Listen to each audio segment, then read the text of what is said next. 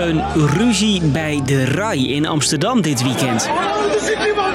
Daar konden Turkse Nederlanders stemmen voor de verkiezingen in Turkije. 200.000 Nederlanders mogen dat doen. Maar het liep dus uit op een RAI-ruzie tussen twee politieke partijen. De politie moest de boel sussen. Het is al dagen gespannen rond die verkiezingen.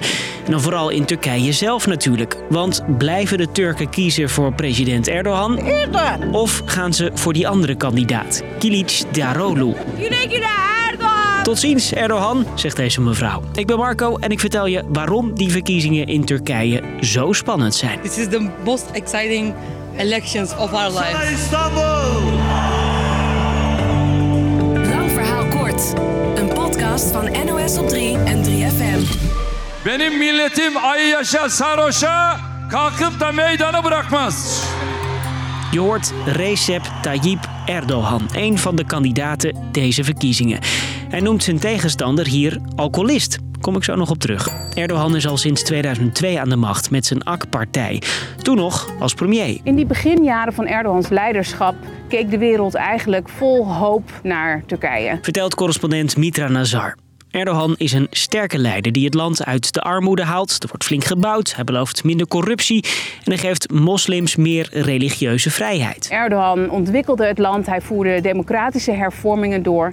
Het was een schoolvoorbeeld voor democratie in de islamitische wereld. Maar na een paar jaar blijkt ook dat Erdogan steeds meer macht naar zich toetrekt. Met protest tot gevolg. Er wordt zelfs geprobeerd Erdogan af te zetten een paar jaar geleden. Maar Erdogan blijft. Hij laat in een paar jaar 100.000 tegenstanders oppakken en krijgt na een referendum vrijwel alle macht in handen. Hij wordt president.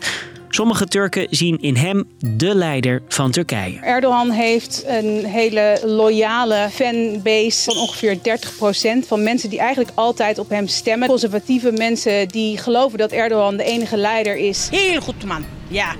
Aardig. Aardig. Ja, aardig, ja. Heel aardig. Maar zo denkt niet iedereen erover. 21 senedir ne yaptı Cumhurbaşkanımız? Hij is al 21 jaar aan de macht, maar wat heeft hij nou gedaan? Niks. Waar Erdogan al die jaren gemakkelijk verkiezingen won, moet hij nu hard werken om de meerderheid mee te krijgen. Zijn populariteit daalt. Onder meer omdat het economisch een stuk minder lekker gaat. Ook in Turkije is flinke inflatie en dat raakt iedereen, vertelt deze Turkse journalist. Huurbazen zetten huurders uit hun huizen om het vervolgens voor hogere huurprijzen te verhuren. Mensen kunnen basale dingen als kaas niet aanschaffen. En er is onvrede over hoe Erdogan omgaat met Syrische vluchtelingen. %70'i Suriye. 70% is Syrisch hier. Een huis of winkel huren, het wordt allemaal duurder. Alle Turken vertrokken. Eén voor één verkochten ze hun winkels.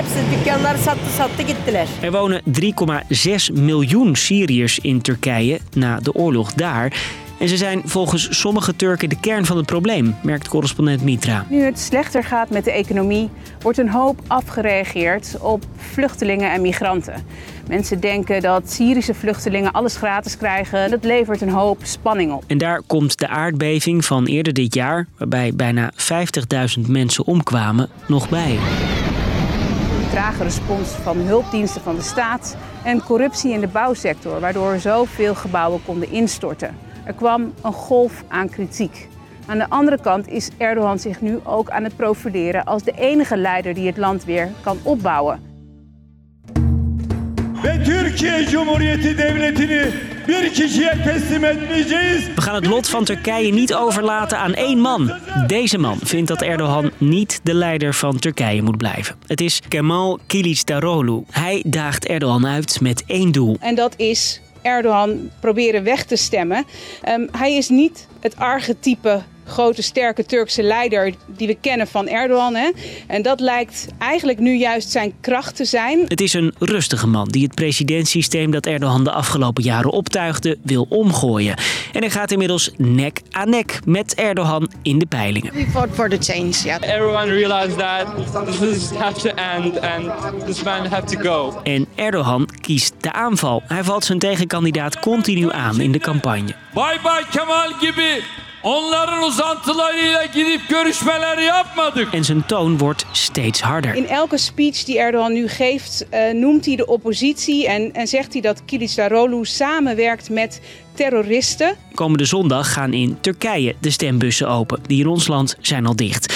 De spanning wordt daar des te groter. Zo werd afgelopen zondag een campagnebus in een Turkse stad bekogeld. En hebben we dus hier gezien dat het in Amsterdam ook onrustig was. We zijn in een hele gespannen fase van de campagne aanbeland. Dus, lang verhaal kort. De Turkse verkiezingen zijn een spannende strijd tussen zittend president Erdogan en zijn uitdager Kılıçdaroğlu.